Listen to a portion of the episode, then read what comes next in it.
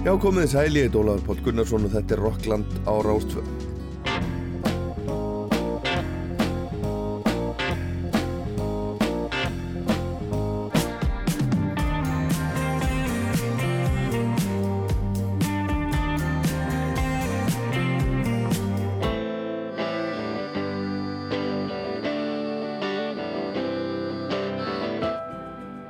Í þætturum í dag verðum við mest á Spáni með César nokkurum Andion. Hann starfa fyrir Live Nation og Spanish Wave á Spáni, útflutningsskrifstofu spánskara tónlistar og Live Nation. Erum fullt á tónlist frá Spáni, við rættum saman á Eurosonic Festival í Hollandi núna í januar. Við heyrum aðeins í Ólöfu Arnalds sem er með söpnun í gangi á Karolina Fund fyrir nýri blödu eins og, og tíðgast í dag Tár í morgunsárið heitir hún. Söpnuninni líkur á miðvíkudaginn og hún ætlar að vera með tónleika í Reykjavík á fymtudaginn og við heyrum, heyrum tvö lög af þessari vantarlegu blötu frá Ólöf og svo skoðum við restina aðeins Grammy-velunin sem voru afhendunum daginn. Bestu country blötu en Burt Bacharach er látin bandarinski lagahöfundin Burt Bacharach hann lést á heimili sínu í Los Angeles síðasta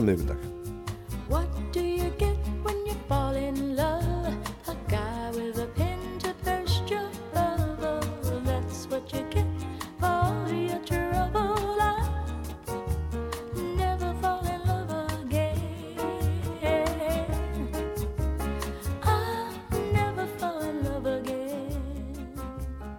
Burt Bacharach á ótrúlegan feril að baki hefur átt ótæljandi lög á vinsaldalistum um allan heim og ekki síst í bandarækjónum og Breitlandi undanfarin rúm 50 ár. Og það var allir sungið lögin hans. White Stripes, Rod Stewart Hollies, Stranglers, Manic Street Preachers Michael Jackson, Elton John, Elvis Costello, Elvis Presley Paul Weller, Dusty Springfield, Neil Diamond, Diana Ross, Aretha Franklin Cilla Black, Beatlarnir, Carpenters Páll Óskar og síðast en ekki síst Diane Warwick og svo margir, margir, margir fleiri Afrækjaskráin er líka laung, hann hefur átt 73 lög á topp 40 í Ameríku og 52 í Breitlandi.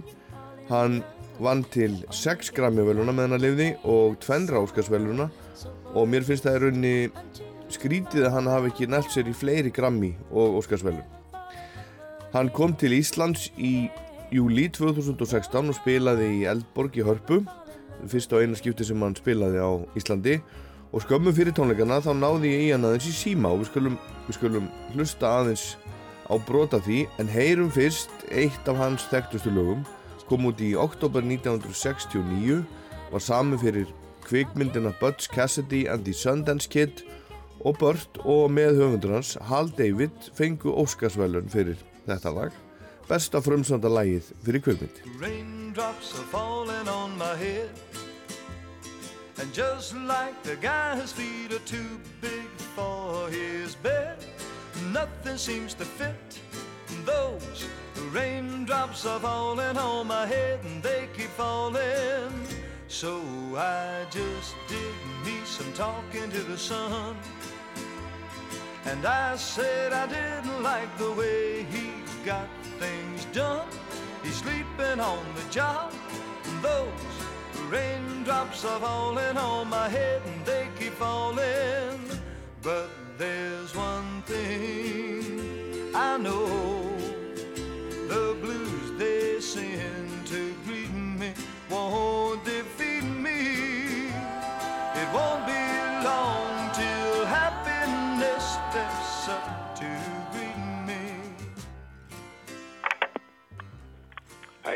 Sorry to wait. No, uh, that's that's just just fine. Okay, um, And hello, hello. hello. Is it is it okay if I if I call you Bert? I prefer. Thank you very much. So uh, so uh, where are you right now? Um, in um, Los Angeles, in my home, Yeah. in my music room. Mm-hmm. And the sun sun is shining as as always. Well, today it is. It has been shining the last four days. Okay. I thought thought it was always always sunny in. No, no. Uh, but we get in June, month of June, we get kind of June gloom. But um, we never know now because, you know, with the climate change, Yeah. um, though um, we've got a whole part of Congress that doesn't even believe there is such a thing as yeah. hmm Talking about um, Congress and politics, have you have you decided who you're gonna vote for president? Yes, of course. Yes, I'm going to vote for Hillary. You are voting for Hillary, yeah. Yes, a very dangerous man It's running. Dangerous for your country, dangerous for the world.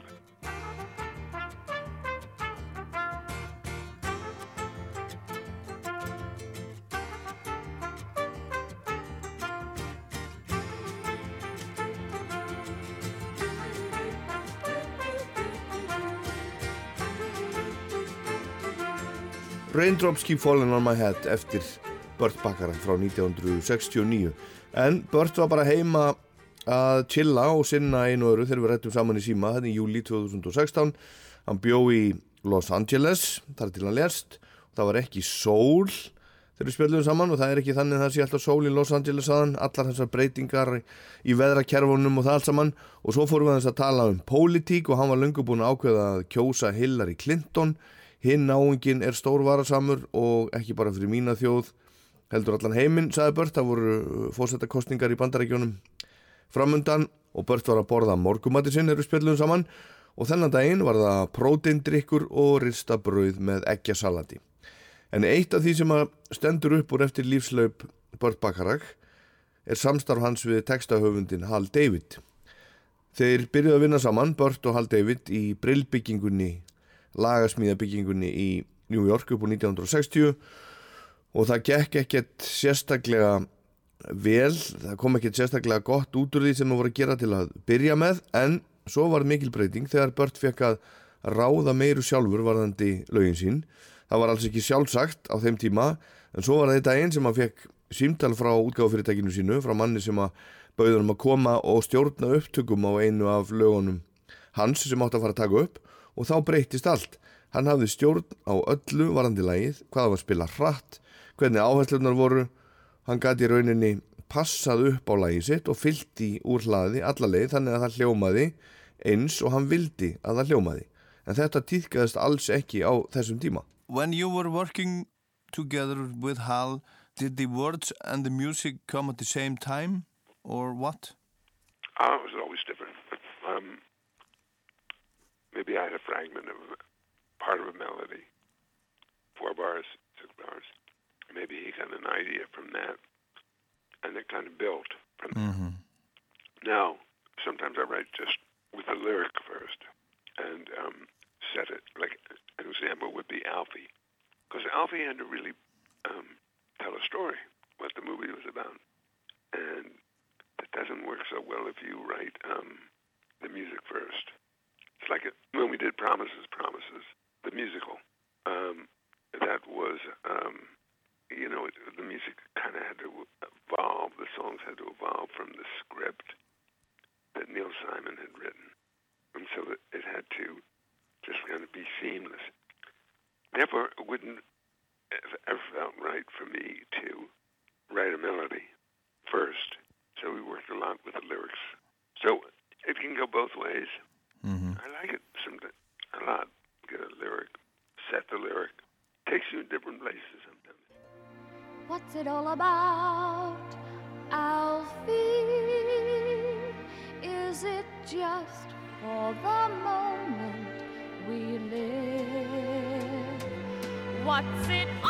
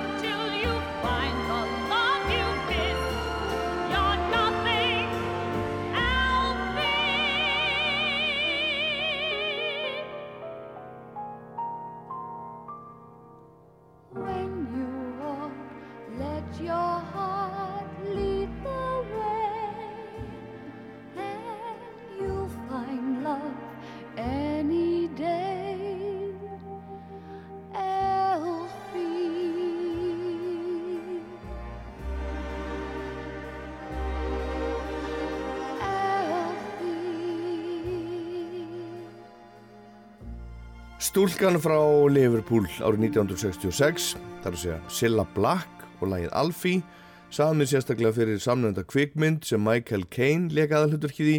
Þetta var vinsælt í Bretlandi með Sillu og svo gaf gullstúlkan Diane Warwick þetta út líka og það var mjög vinsælt í Ameríku og þau unnu mikið saman, Burt Bacharach og Diane Warwick og það kastaðist upp á vinskapinum tíma og allavega hana.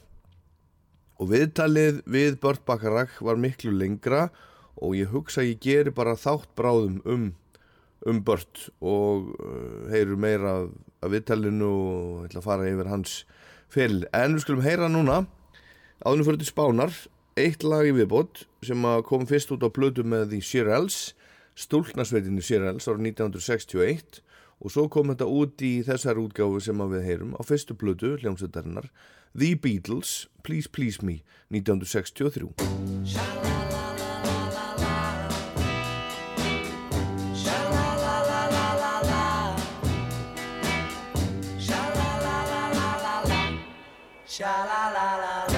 It's not the way you smile that touched my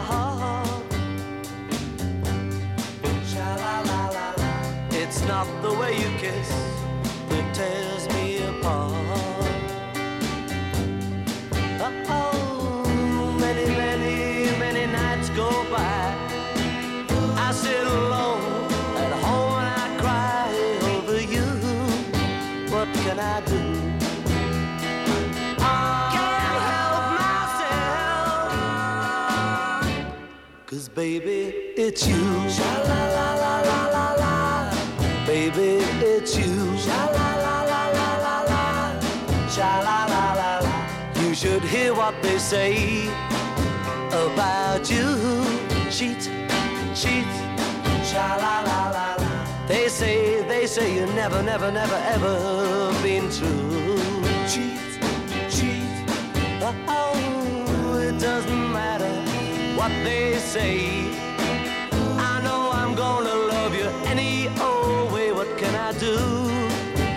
it's true.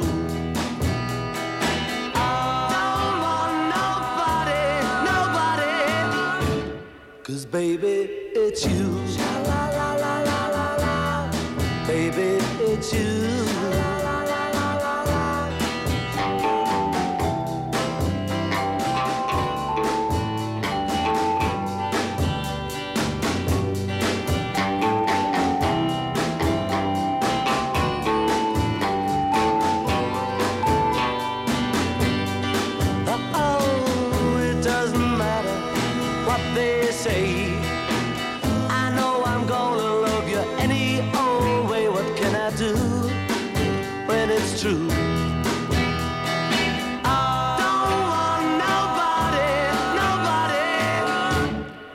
Baby, it's you. La la la la la la. Baby, it's you. Bítlarnir Baby It's You eftir Burt Bacharach John söng, en bítlarnir spiluðu þetta mjög mikið frá 1961 til 63 Hi, I'm Johnny from Coldplay. I'm Guy from Coldplay, and this is Icelandic National Radio 2. You're listening to Rockland.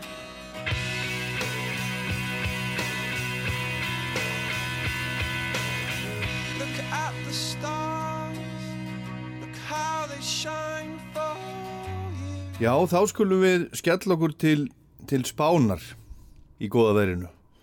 Á Eurosonic tónlistarháttíðin í Gróningen í Hollandi um daginn spiluðu uh, millir 200 og 300 hljómsveitir allstæðar aður Evrópu. Þetta er svona tónlistarháttíð kaupstefna, ráðstefna það sem er verið að kynna það er nýjasta og ferskasta. Og með spennandi í evróskri tónlist í þeim tilgangi að eitthvað nái að eða þetta unga fólk sem er driflitt ungt fólk nái að stækka sinn hlustandahóp og, og, komast yfir landamæri til annara þjóða og stækka sinn markað. Og hverju ári þá er áhersla á eina þjóð, eitt land og fyrir nokkrum árum var áhersla á Ísland, þá spiluðu næstu því 20 hljómsveitir, held að verið 19 hljómsveitir og listamenn frá Íslandi sem að, sem að spiluðu.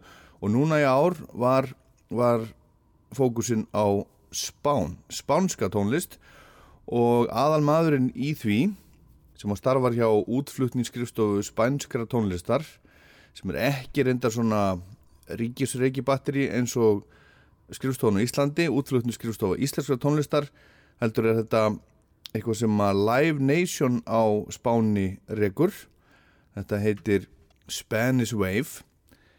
Þar starfar maður sem heitir Cesar og ég hitti hann á hátíðinni og baða hann um að segja okkur aðeins frá spænskri tónlist og, og velja fyrir okkur fimm listamenn og lög til þess að spila hérna í Rocklandi dagsins Okay, my name is Cesar Andion. I'm um, PR for Live Nation, PR and talent for Live Nation in Spain.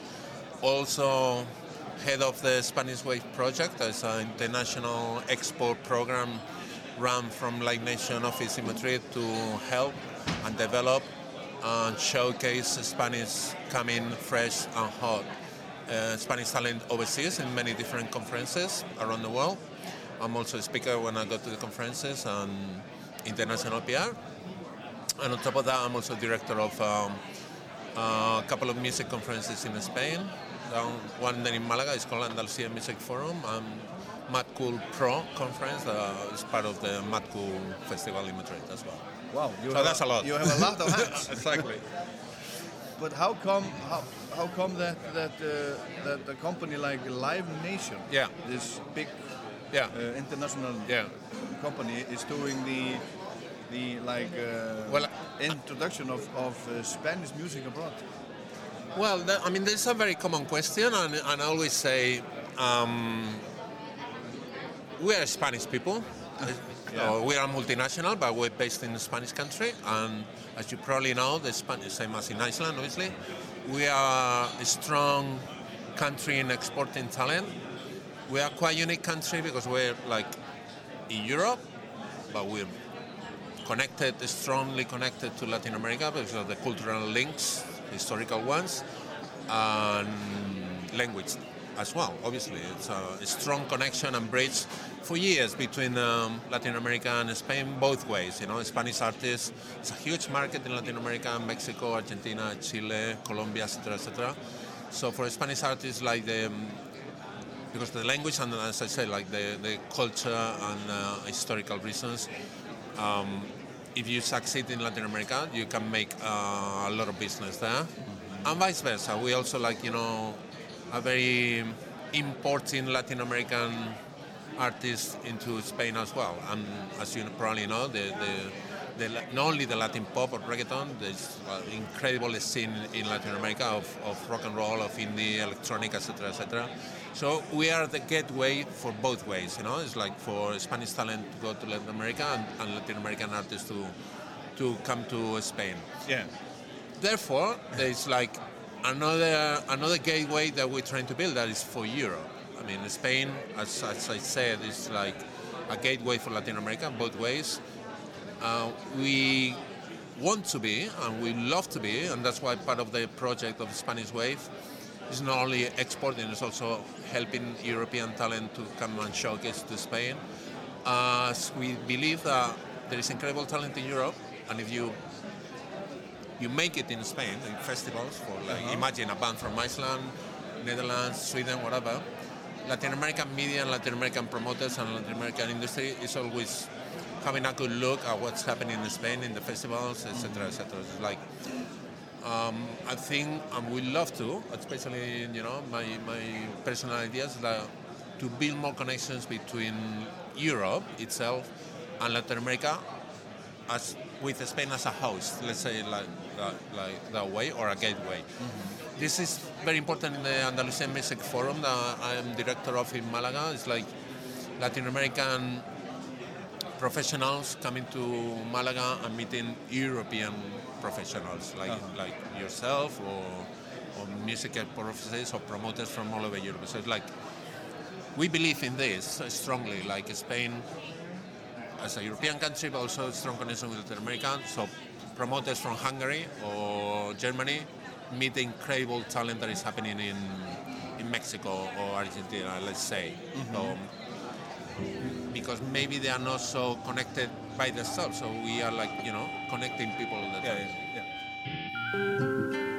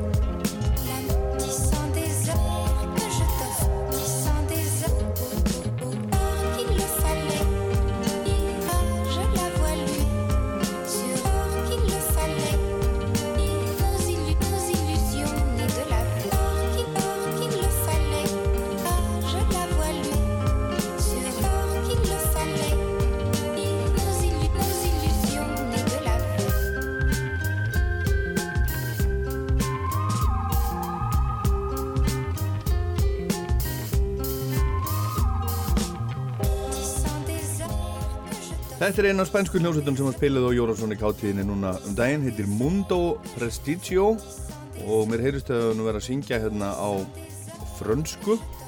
En þessi hljómsveit kemur frá Vigo í Norðurspáni og lagi heitir Le Mission du Bonheur.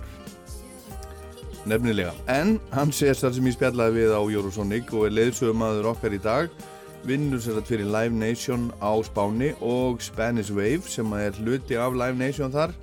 National Export Program eins og hann kallar það gert út frá Madrid til þess að kynna tónlist frá Spáni um allan heim og alls konar ráðstefnum og kaupstefnum og tónlistarháttíðum til dæmis.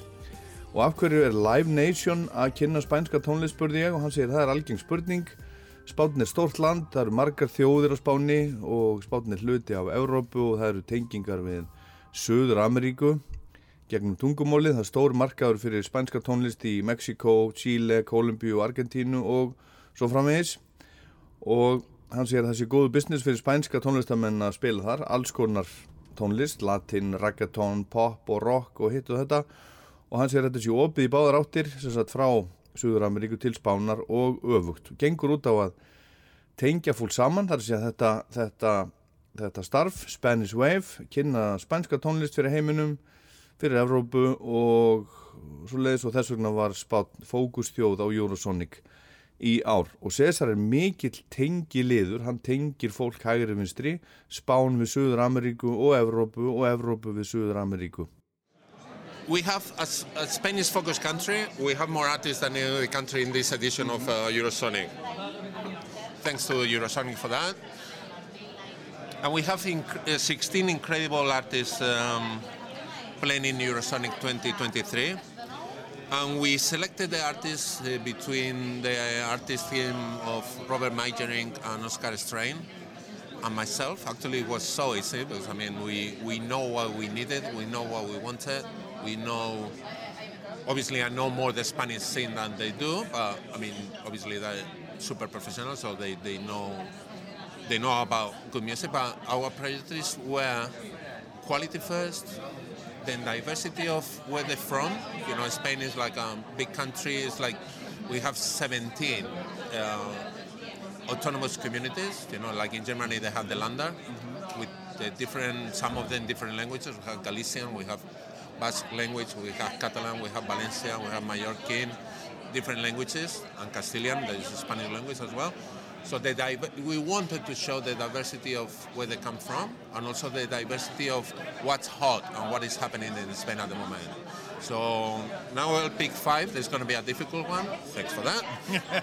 but we wanted to show the diversity of where they're from and the and the and what is happening in, in Spain music-wise. Like there is a lot of incredible uh, urban music, incredible um, garage music, rock, pop, electronica, etc., etc. We, we try to show that, and I think uh, with the 16 artists, we I think we succeed with that. Yeah. And also a good balance of um, male and female, you know. I, actually, I think we have more uh, female artists than, than male artists in the in the in the selection. Anyway, straight to the point. Yeah. The first Okay. artists. The first one I have to I have to choose the winner of the Music Moves Europe Awards because thank you all the voters, thank you Music Moves Europe Awards. Keral Laos was the winner. And uh, I, I don't believe that she won because Spain is the focus country. I, I, I just believe that she won because she's incredible. I mean, I want her here. It's been good effort of there is the booker, the manager around here, the effort from their office because she's. Um, I saw her in Mallorca Live Festival this summer. and she blew me, she blew me away, and I, I, and I could see that she's gonna go like quite big, and and she's incredible because great artistry and also the way her, her, her music is like mixing. She comes from rapping and rap and hip hop, but she's mixing that with uh, with more like uh, Latino um, and flamenco. A lot of flamenco. She's she's Catalan, but she her family. And, and background is, is Andalusian, so she kept her roots, Andalusian roots. So I mean, it's incredible the way she's like innovating or adding flamenco uh, singing and dancing into the into her more urban and pop base of uh, of music. So she has to be the one. I love her, and she won the awards.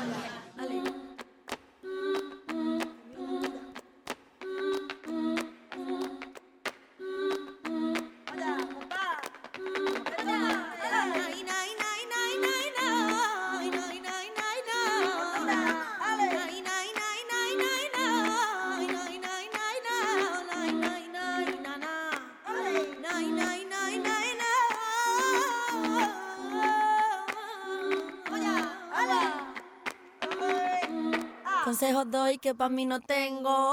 En luces falsas siempre me entretengo. Y me equivoco porque a mí misma me miento.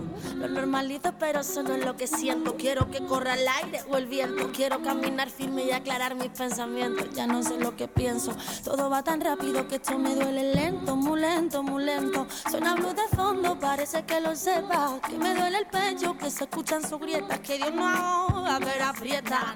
Que esto me tiene hasta las tetas. No, no me preguntes más si me puedes preguntar. Si lo estás dudando porque sabes que estás mal. Saco mi nada a pasear. Pero soy tan poeta que escribir me puede más. Acabo por llorar y sanarme mi pena. Aquí me ves cumpliendo condena, condena. Que por no ser como todas nadie sabía quién yo era. Ay, mira, mira. A mí me gusta, me gusta, me gusta, me gusta. Todo lo que asusta a mí me gusta que te guste.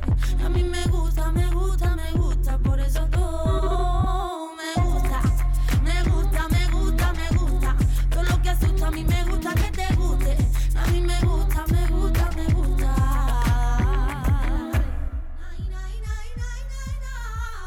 Þetta er ekki Eurovision, þetta er Eurosonic. Hún heitir Quaralt Lajos og lagi heitir Megusta. Hún er frá Katalóníu, hlaut Music Moves Europe Talent Awards velunin núna á Eurosonic um daginn og þetta eru áhrif frá flamengo, þetta er nútímanlegt og hefðbundið á sama tíma. Þetta er af EP-plötu sem að koma úr 2019 og þetta er með næstu því 600.000 spilanir á, á Spotify og þetta er alls konar, þetta er allt blandi póka, soul, hip-hop og, og alls konar músík sem að, áhrif sem að hún, hún tekur saman. Hún hver allt Lajos og út kemur þetta. Og ég ætla að, ætla að spila annar lag með henni hérna rétt á eftir en hann César Andión sem að er leiðsögumæður okkur í gegnum þessa spænsku tónlist í dag hann segir að þetta hafi verið 16 atriði sem að voru valin frá Spáni á Eurosonic í ár. Og hann segist þekkja músikbransan heima á Spáni vel, Spán er auðvitað ekki bara eitt land, Spán samastendur af 17 héröðum, Katalónia, Valencia og, og, og Baskaland og svo framvegis. Og hann vildi sína fjölbreytileika, mikið að gerast í músikinu Spáni. Og það er bara allt mögulegt í gangi, það er rock og pop og elektrónik og, og svona urban musik og það eru konur og kallar og allt mögulegt. Skulum heyra annar lag með henni Queralt Lajos, þetta heitir Venda Velets og hérna er hann að syngja live.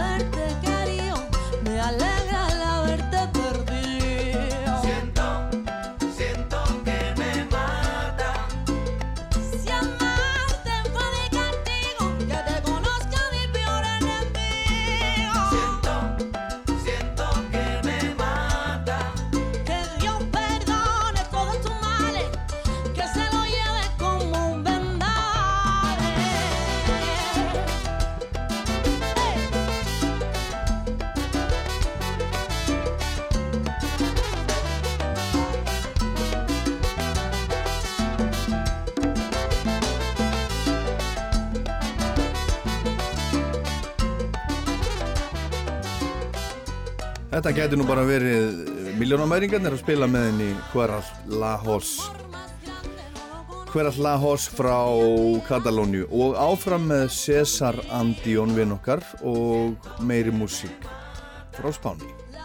Second ones, I have to say Leon Benavente because they are playing in uh, know uh, party tonight, and they are really big uh, band in Spain. They've been for a while, and they are quite well known in Spain, and also they are making great, great, like great music as well, and also they're making a good effort to come here because, uh, as I said, they they, they are quite big in Spain, but, uh, they want to start trying Europe, especially because, uh, as I said before, they, they, they already played in Latin America, but they, they they are more like kind of indie post-punk, post, you know, more like um, great band, great guitar band.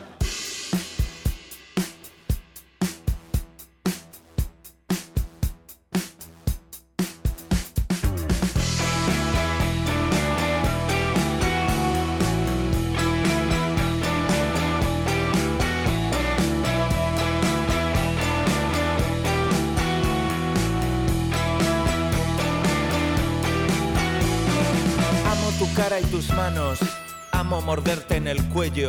Amo mirarte y en cada momento volver a sentir algo nuevo. Amo que robes mi tiempo y cómo se lían los lazos.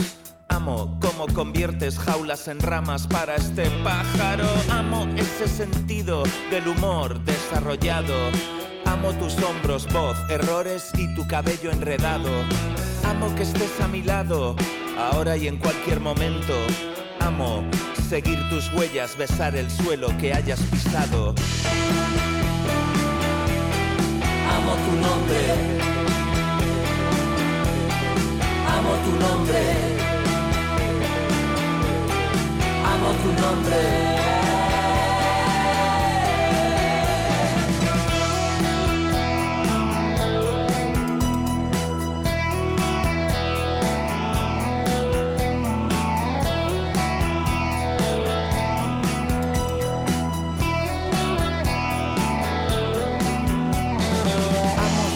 Juguete y cada uno de tus besos. Amo mi autorretrato cuando me reflejo en tu espejo. Amo cómo me follas. Amo tu piel en mis labios. Amo que esta canción esté escrita con tópicos de enamorados. Amo seguir el camino que tú vayas trazando. Puedo ser lo que me pidas en la fantasía que estamos creando y déjame ser tu pareja en lo que queda de baile. Amo tener pulmones para gritar tu nombre en las calles. Amo tu nombre. Amo tu nombre. Amo tu nombre. Amo tu lado más tierno, también el más hijo de puta. Amo la telepatía que nos comunica y amo tu nuca. Amo perderme contigo, que sepas dar nombre a los vientos. Amo los huracanes cuando se llevan nuestros desencuentros. Déjame ser tu amuleto, ser la sombra de tu perro. Amo. Amo. Amo. Amo usar esta frase para decirte lo que te quiero. Þetta er hljómsveit nummer 2 sem hann valdi fyrir okkur hann Cesar Andion Leon Benavente. Þetta er stórt band á Spáni, þekkt band þeir hafa spilað víða. Þetta eru reyndir gaurar og þeir voru þarna sérstakir gestir á hátíðinu, þeir spiluðu til dæmis í spænska partínu, það er þannig að þessar þjóðir sem eru fókusþjóðir á þessari hátíð, Eurosonic þeir halda, halda partí þar sem er búið upp á einhvern svona lokal mat og drikki og einhver svona, svona sérstök, kynning á, á þessum hljómsveitum sem að fókustjóðin er að tefla fram. Og svona og þessir þeir spiluðu þarna. Þetta er hljómsveit sem var stopnað árið 2012 og þetta eru náungar sem að hafa verið í Ímsum öðrum hljómsveitum, ég skilst að þetta sé svona hálgerð supergrúpa, þeir voru alveg ríkalega góðir, þjettir, flottir, flottir kallar og, og söngvarinn sem að heitir Abraham Bobba, hann myndi mig svolítið, hann var svona eins og blanda af kallinum, fígurunni, þið munið í teiknumyndinni Up, svona lítill gaur með gleru, rokkið hár og skegg og klættur svolítið eins og, eins og Nick Cave, hann er svona blanda á þessum, þessum tveimur. En það kom út, út, út plata 2013, fyrsta plataðar sem heitir bara Leon Benavente, svo kom önnur platan sem heitir bara Tveir 2016 2019 kom plata sem heitir Let's Go Crazy. Warner Music gaf hana út. Og svo fjórða platan heitir Era, hún kom út í fyrra. Og við heyrum hérna lag á henni sem heitir Librame del Mal El ruido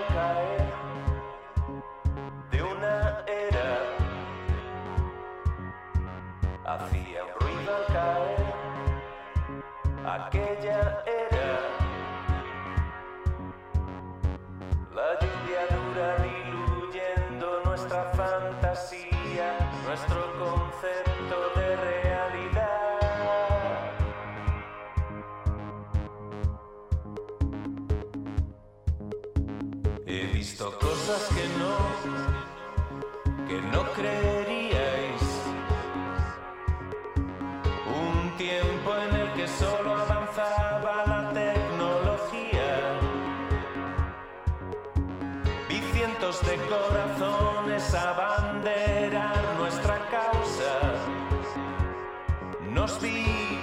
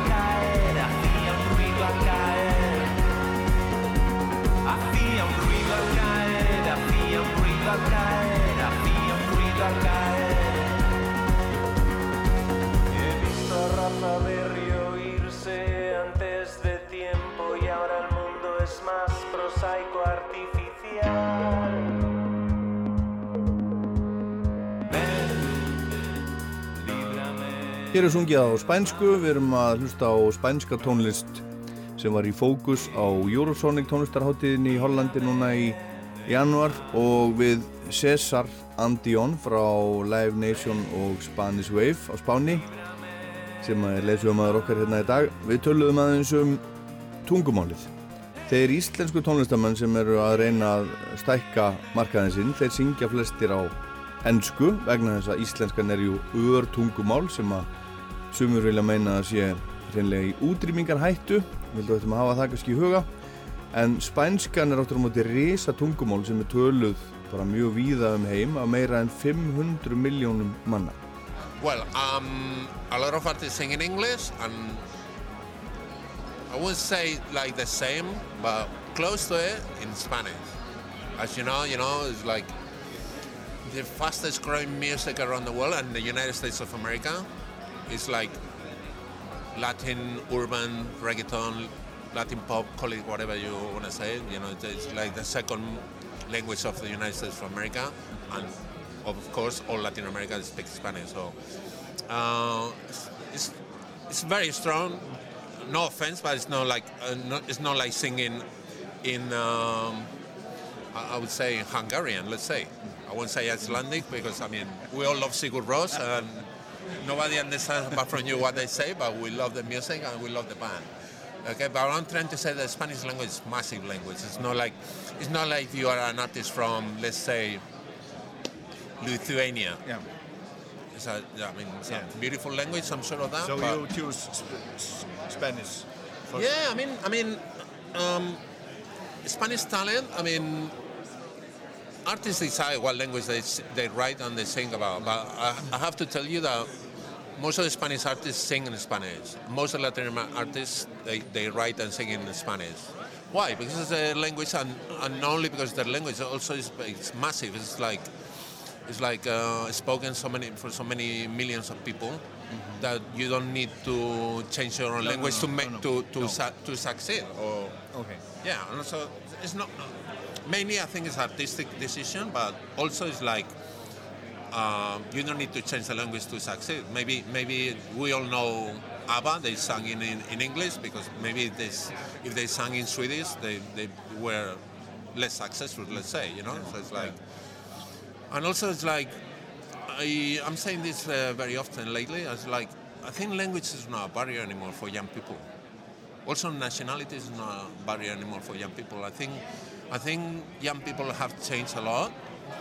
Not like me when I was young. I was really into like uh, garage punk, and if the bands were not American or British, like oh, and, th- and they were incredible bands. I was so stupid and narrow-minded, you know. But young people, because the way they listen to music or discover music, like um, through Spotify or any other platform, and they listen to music on, the, on these platforms, the platforms don't tell you where the artist is from. You know what I mean? They, if they if they like the song, they like the song, and, Yeah, and then yeah. they they research where the artist is from. So I think that the young people nowadays are more open-minded, not only because of the nationalities, also because of the language. I mean. I don't think languages are a barrier. It depends on the genres of music. Obviously, if it's like singer-songwriting music or folk or more poetry kind of music, you you want to understand the lyrics. But if it's more like pop or dance or less obviously electronica, Yeah, yeah, yeah. etc., etc., the language is not a barrier. Yeah, and and even if you even if you sing in a language that your audience doesn't understand, you can explain to them before you play the song that this song is about that, and you hear it differently. Yeah, I mean, uh, I'm also, you know, I'm, I, I, I learn language like listening to music in English, Yeah, yeah, you know? Like, uh, it's a good way to learn uh, a beautiful language that, like Spanish, you know, a lot of people, uh, they, they want to learn Spanish, so why not through music? It's, it's fun and easy, easier. Just let- Hoy que han pasado cuatro años ya, he regresado a la ciudad que nos vio terminar y ya no vives en nuestro piso en el que siempre tenías frío y ahora vives con un chaval y estás fatal.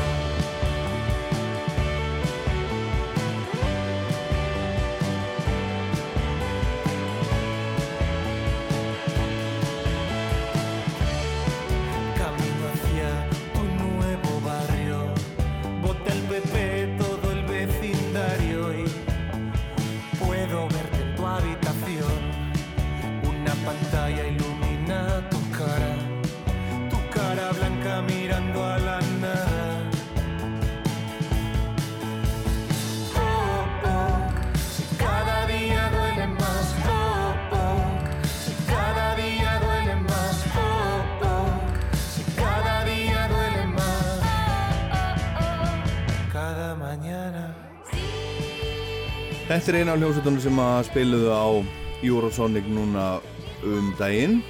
Kokoska heitir þessi hljómsveit og hann Cesar Randjón hann sagði hérna á hann að það gildu svolítið önnur lögmál um uh, spænskuna heldur en eða Spán en Litáen eða Ungverland til dæmis. Spænskan er svo stort tungumál segir hann og flestir spánverjar syngja á spænsku. Þetta eru meir en 500 miljónir sem að tala spænsku Spánverjar og Suður Amerika mörgum minna og svo framvegis. Og unga fólki í dag er opnara fyrir öðrum tungumálum en ensku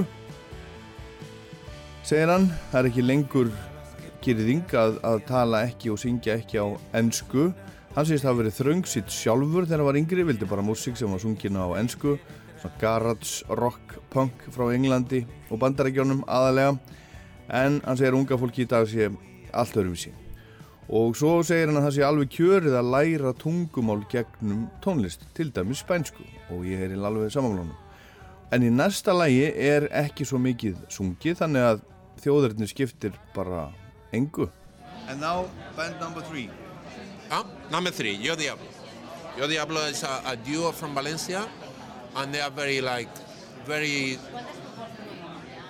kind of dirt blues rock. They remind me a lot of the Cramps, um, John Spencer Blues Explosion. That kind, you know them. So that kind of like super trashy blues, dirty, swampy rock. It's only guitar and, and drums. And I, I brought them to play in, um, in Focus Wells with the Spanish Wave. And Oscar, the, the programmer of uh, Eurosonic, saw them live. Uh, and we were like, fuck, they're great, man. It's like, you know, we need to have them in, um, in Eurosonic.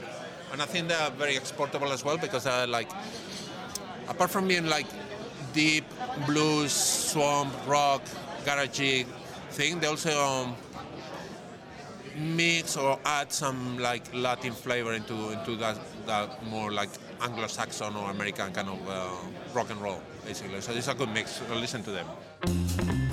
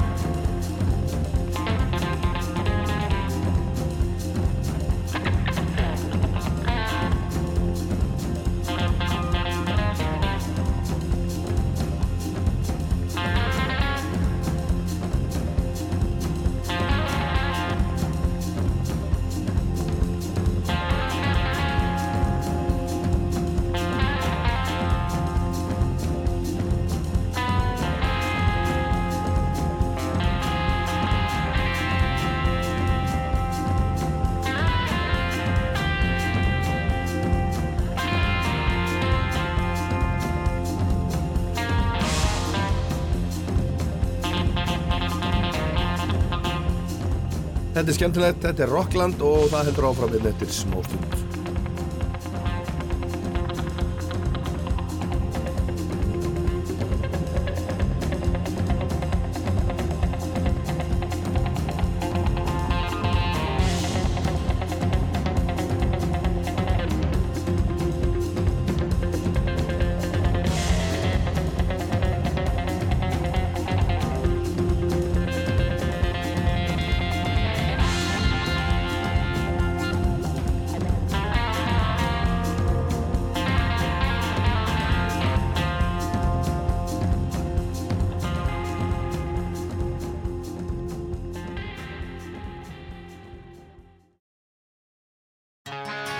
smá stund. Tjenare, tjenare! Kenny från The Hellacopter tillsammans med Nicke från The Hellacopter.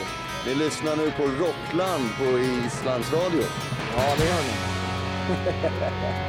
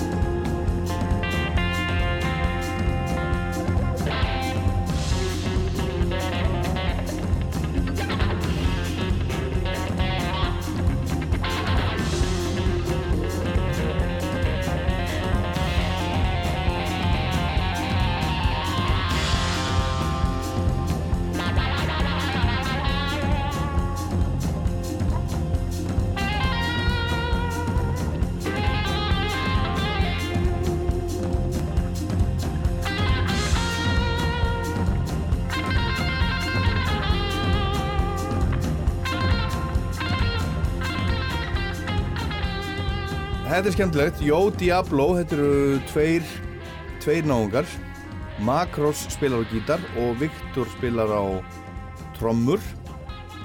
Fyrsta plata þeirra, Serpientes, kom úr 2019 og þetta er í rauninni, skils mér, þeirra útgáfa af tónlistinni úr, úr þögglu, er ekki dönsk kvikmynd, Hagsan Farði í bankan gerir tónlist við þessa mynd fyrir, fyrir nokkrum árum. En þannig eru þessir gaurar frá, frá Spáni, frá Valencia. Jó Diablo búin að gera sína útgáfu af þessu. Þetta heitir El Sabbath de las Brujas. Og heyrum annar lag sem er á þessari sömu plötu líka sem heitir Conjuro. En hann Cesar Andjón hann sagði að þetta myndi svolítið á hljómsveitir eins og Cramps og John Spencer Blues Explosion með latínbræði, rock and roll instrumental með latínbræði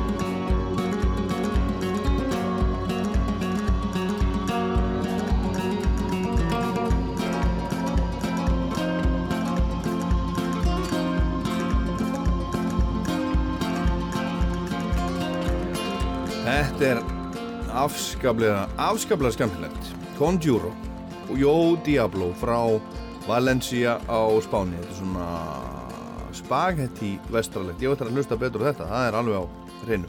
En hér er Cesar, aftur. Number four.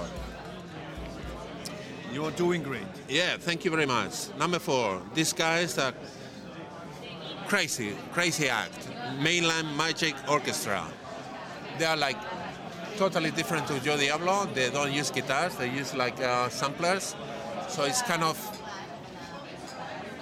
I wouldn't I wouldn't call it electronica, but it's like they are like I think it's four or five of them. They dress up with crazy disguises.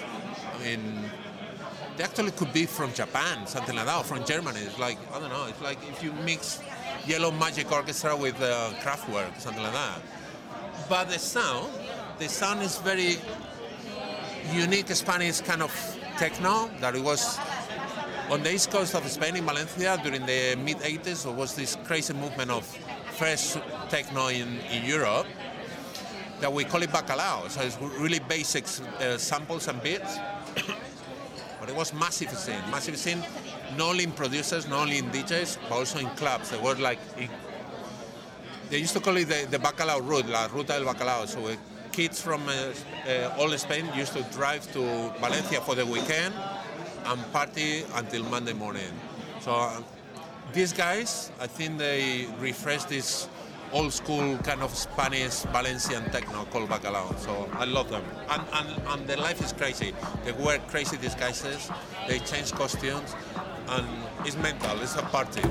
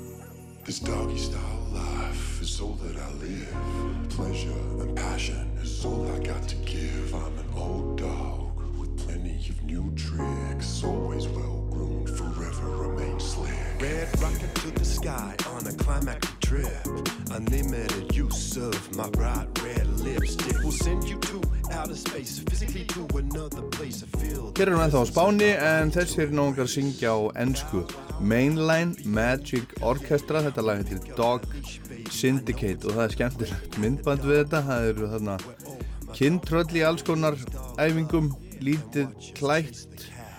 Og hann sér þetta sé svona næstum elektrónika. Hann sér þessar Andjón minnir á Yellow Magic Orchestra segir hann og kraftverk, spans, techno, búningar og party mikið party í þessu. Skulum heyra annar lag. Boom,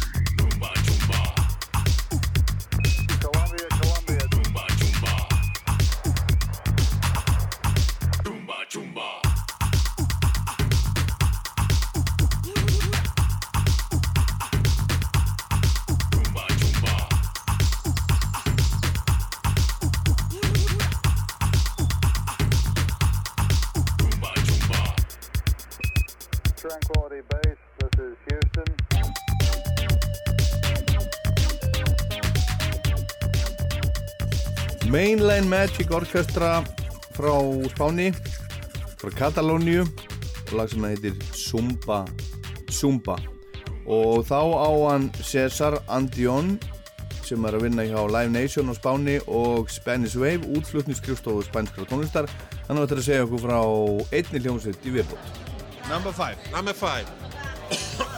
Número cinco. Número cinco. Cinco. Cinco. Cinco. Cinco.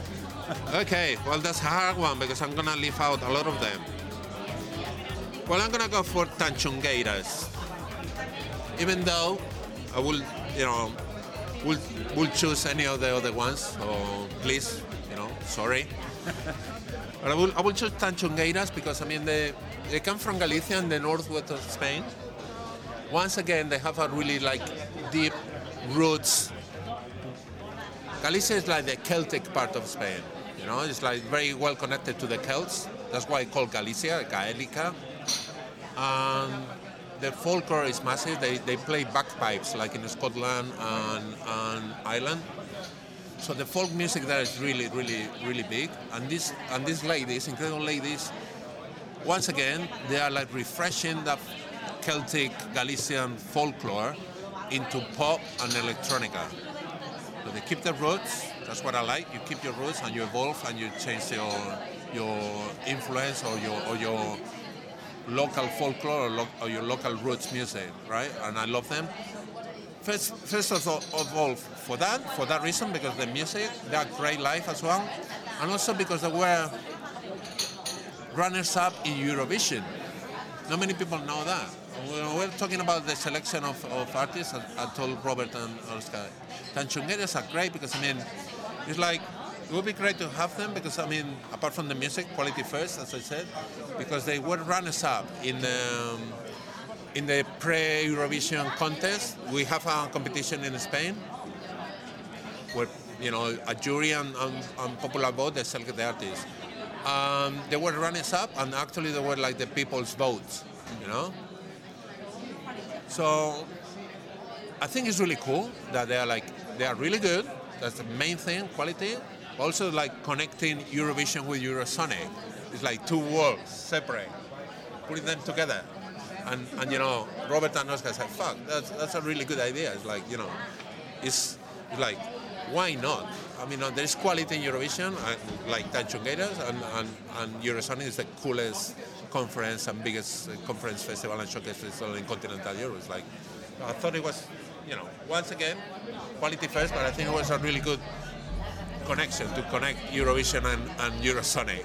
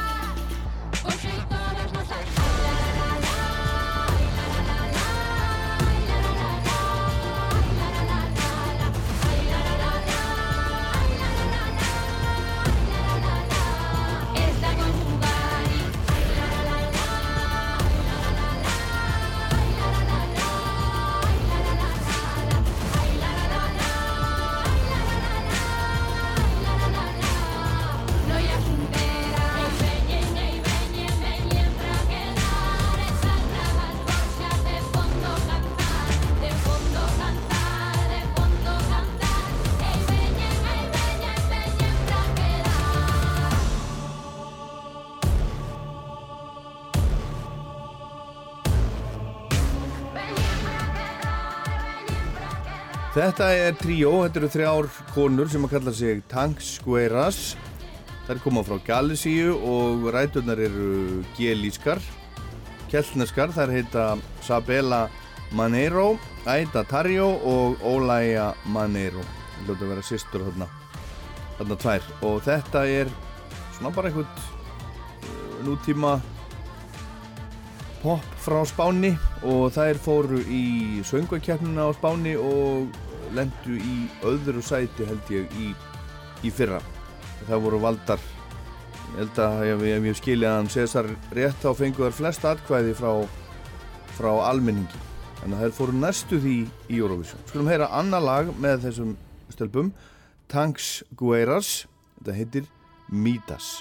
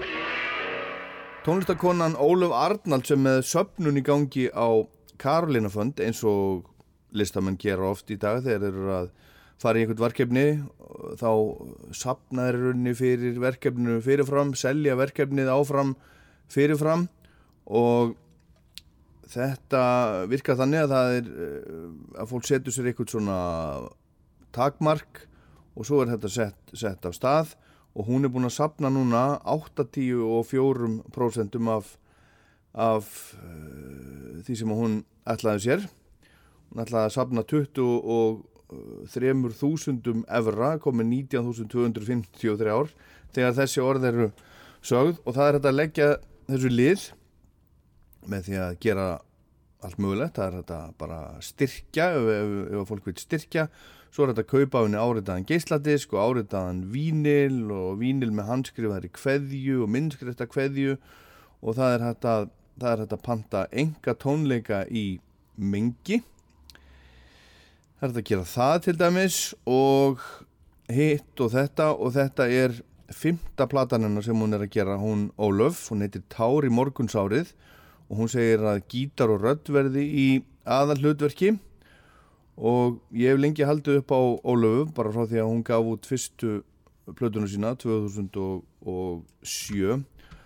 og hún hefur verið að vinna svolítið með skúla Sverri sinni undarfarið þau eru svona musikalst par og þau voru til dæmis saman á evrósku kveikmyndavelunum sem voru haldin í hörpu í desember 2022 sem desember í fyrra.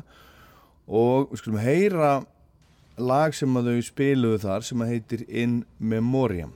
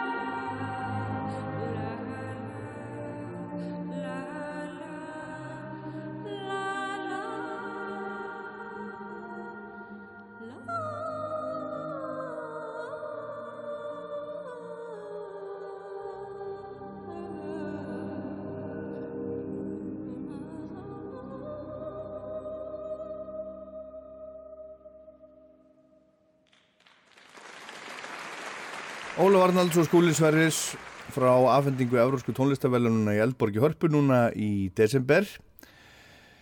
Þetta er bara skúli að spila á bassa, þetta sem að hljómar eins og hljómborð eða eitthvað, þetta er bara bassi og söngur og þetta er ótrúlega flott og ég sá þau spila þetta og eitt lag, ég held að vera þetta lag og eitt í viðbót á jólatónleikum sem voru í fríkirkjunni í desember sem að Ellen Kristjáns og hennar fólk heldu þetta voru svona uh, jólatónleikar með, með engum, eða næstu því engum jólalögum.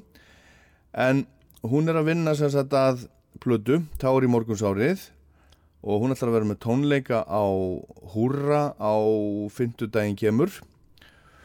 Og skulum heyra hérna lag af þessari vantalegu plödu sem hafa tekið upp í sundlaugin í Mósinsbæ Álafoss-kvosinni í fyrra vor og hún tók upp nokkur lög í hljóðumynd fyrir það sem heitir Transfrontera. Þetta er fyrirbæri eh, frá Mexiko sem að fer út um allan heim og tekur upp músík og, og, og setur á á netið. Og hún var sem sagt fyrir valinu til þess að spila, spila nokkur lög. Skulum heyra hérna eitt lag Þetta er satt eitt af lögunum frum útgáfa af lægi sem að verður á þessari nýju plötu frá Ólufu. Þetta er mitt blóð.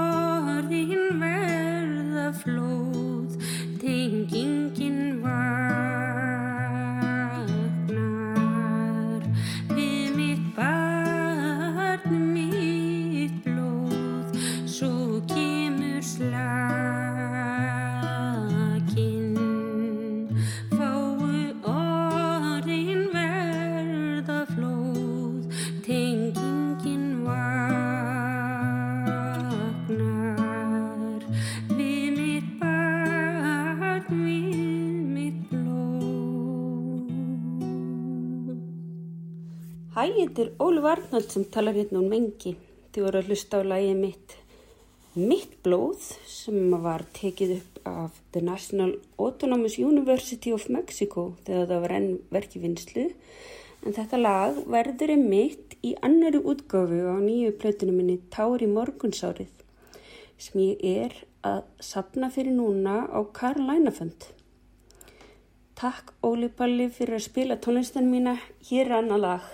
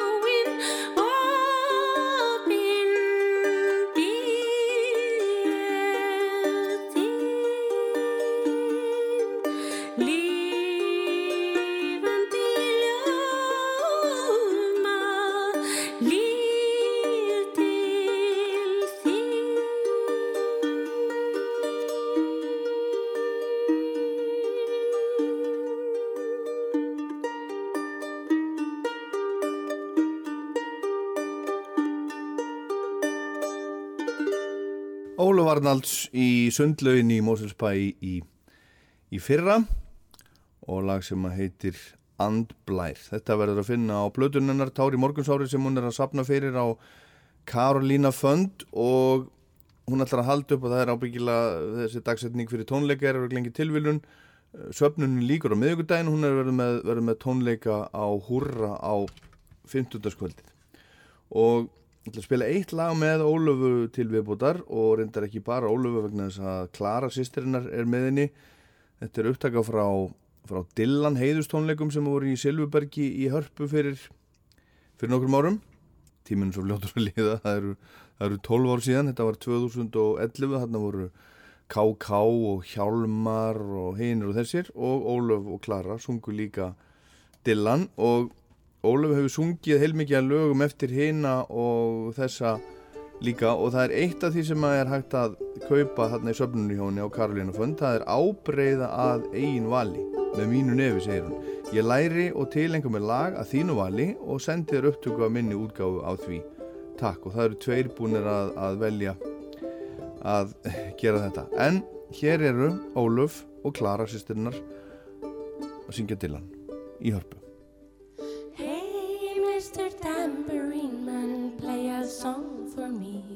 I'm not sleepy and there is no place I'm going to. Hey, Mr. Tambourine Man, play a song for me. In the jingle jangle morning, I come following you.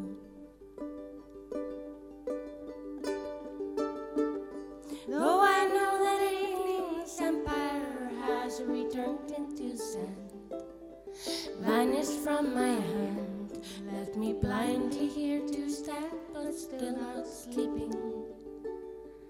My weariness amazes me, I'm branded on my feet. I have no one to meet, and the ancient empty streets too dead for dreaming. Hey, Mr. Tambourine I'm not sleepy and there is no place I'm going to. Hey, Mr. Tambourine Man, play a song for me. In the jingle jangle morning, I come following you.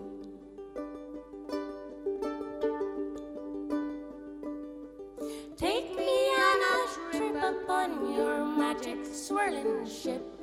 My senses have been stripped. My hands can't feel the grip. My toes too numb to step. Wait only for my boot heels to be wondering. I'm ready to go anywhere. I'm ready for to fade into my own parade. Cast your dancing spell my way. I promise to go under it. Hey,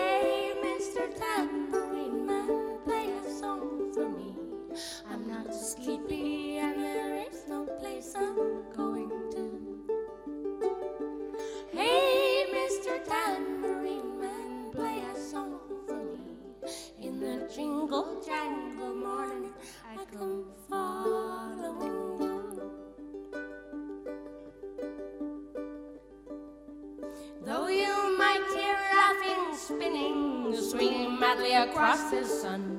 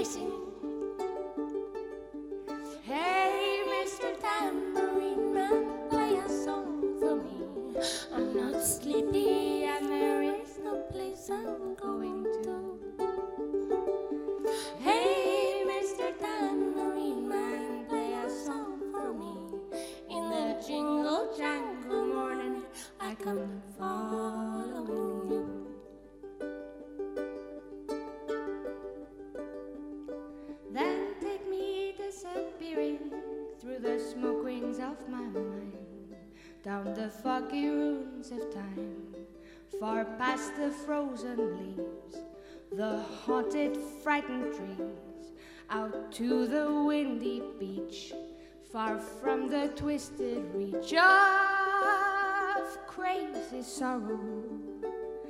Yes, to dance beneath the diamond sky with the one hand waving free, silhouetted by the sea, circled by the circus sound, with all memory and fate driven deep beneath the waves.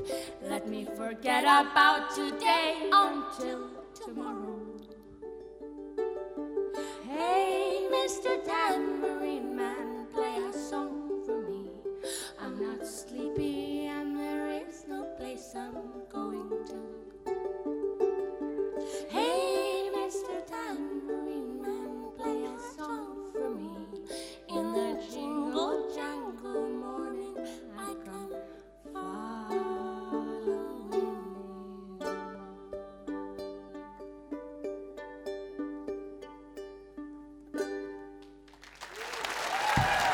thank you Hello, everybody. This is Simon LeBon coming to you on Rockland Iceland Radio with a big whoosh.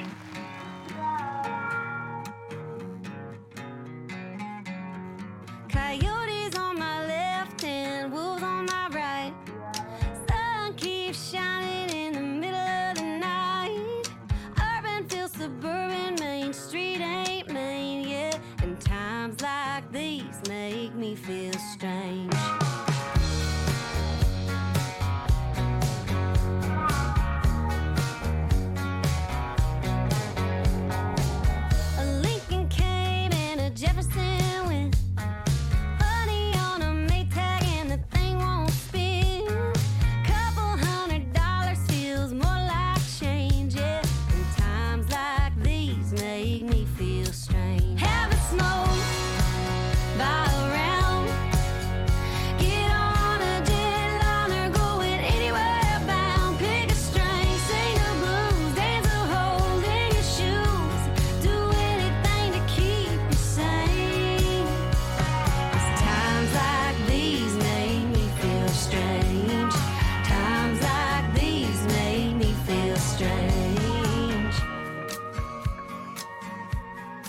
Endum á smá country. Þetta er eitt af lögunum, eða lag af einni af plötunum sem að voru tilnæmdar til Grammy-veluna núna um daginn í floknum Country Plata ásins. Þetta er hún Miranda Lambert og lag sem að heitir Strange og platan hennar heitir Palomino. Hún er 39 ára, gömul og heilmikil stjarnar í bandrækjunum í, í countryinu og uh, Super Bowl er kvöld keppum ofur skálina í bandaríska fótbóltanum, American Football og þetta er í 57. skipti sem að þessi leikur fer fram og þar mætast Kansas City Chiefs og Philadelphia Eagles leikunum fer fram á State Farm vellinum í Phoenix í Arizona og það er talið að 250.000 aðdáfundur liðana flikkist til, til Phoenix til þess að taka þátt í, í partíinu í kvöld, það komast nú ekki allir á völlin það er svona 70.000 mann sem að komast á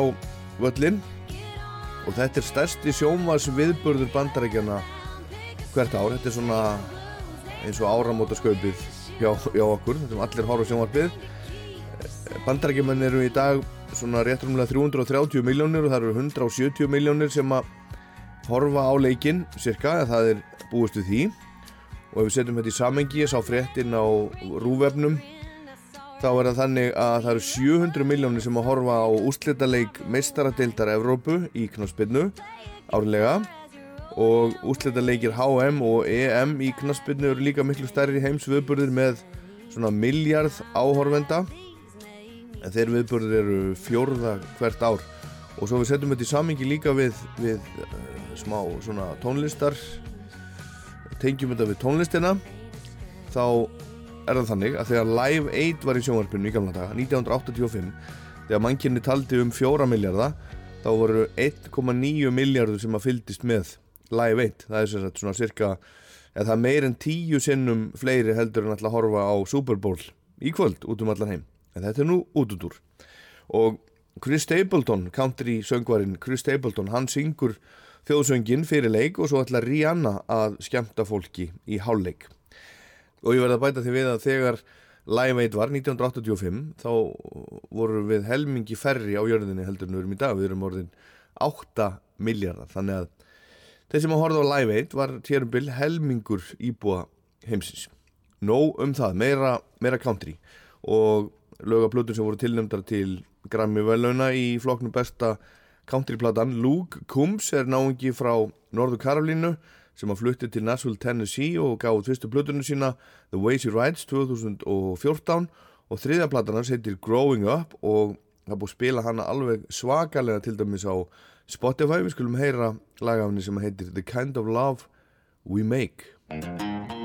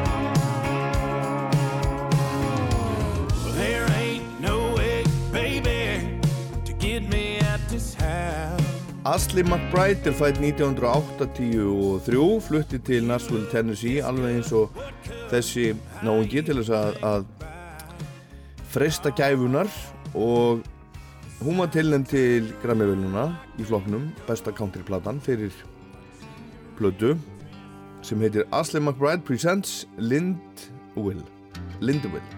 Og hér er lag af henni sem heitir Brenda Put Your Bra On Brenda, put your bra on, there's trouble next door. Grab a pack of cigarettes and meet me on the porch. Marvin, baby, mom about to catch him with a whore. Brenda, put your bra on. I knew she shouldn't have let that bitch watch her baby. I used to work with her at the Crystal. She always got them good shifts just 'cause she had good tits and cut her shirts off at the middle. Brenda, put your bra on. It's just getting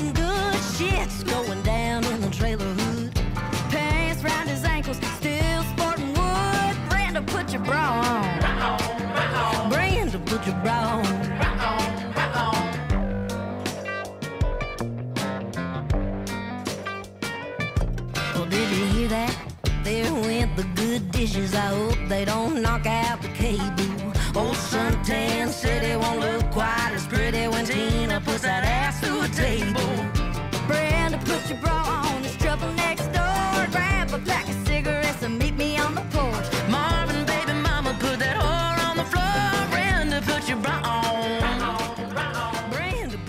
Brenda Bra On farði í brjóstahaldana Brenda. Þeir eru hrifnir af þessu í bandarækjónum og líka af henni Maren Morris.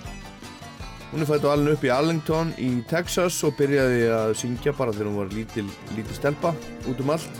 Fór til Nashville í Tennessee og er mikil country stjarna. Og hún var tilnæmt fyrir blötu sem að heitir Humble Quest og þetta á henni Good Friends. Sometimes I don't understand you. Sometimes you don't understand me. Bridges are burning all over, but not on our street.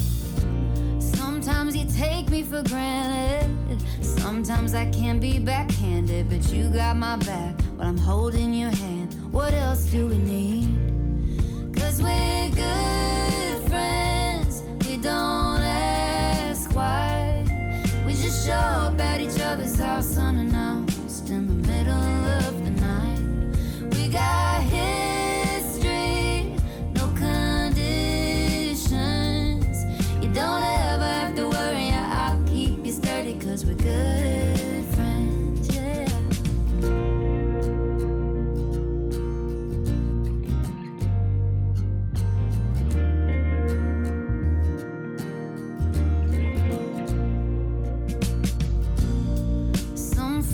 are fair weather, some just drifting out. At my worst, on my better, you always stick around. And if we live to a hundred, spilum bara stutt tóndæmi af þessum lögum af þessum blötum sem voru tilnefndar til Grammy-veluna í flokknum besta countryplatan það eru ótrúlega marg, margi flokkar. Getum velur ég eftir að skoða þetta eitthvað meira í næstu þáttum, ég finnst þetta alltaf áhugavert að sjá hvað stendur upp úr í hinum af þessum, þessum flokkum. Og ég ætla að enda á lægi af plötunni sem var valinn countryplata ásins 70. og önnur soloplata Willie Nelson sem er orðin 89 ára gammal hann er alltaf að gefa hann er alveg ótrúlega magnaður og er bara risa, risa númer Þessi plata hans sem að fekk velunin heitir A Beautiful Time. Við ætla að spila laga af henni sem að er já, bara upp á slagplötunar I'll Love You Till the Day I Die. Þetta var Rockland, ég heit Ólaður Páll. Takk fyrir að hlusta. I only saw you once, and that was a long, long time ago.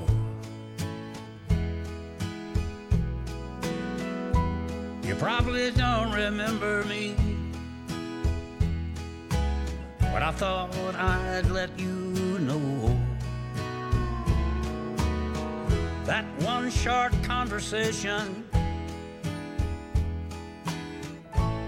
is still the reason why I love you till the day I die.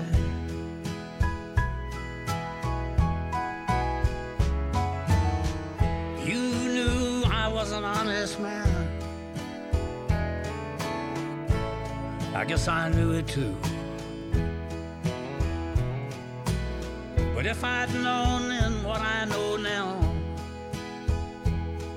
I'd trade it all for you. And when you turned and walked away, I didn't bat an eye, but I love you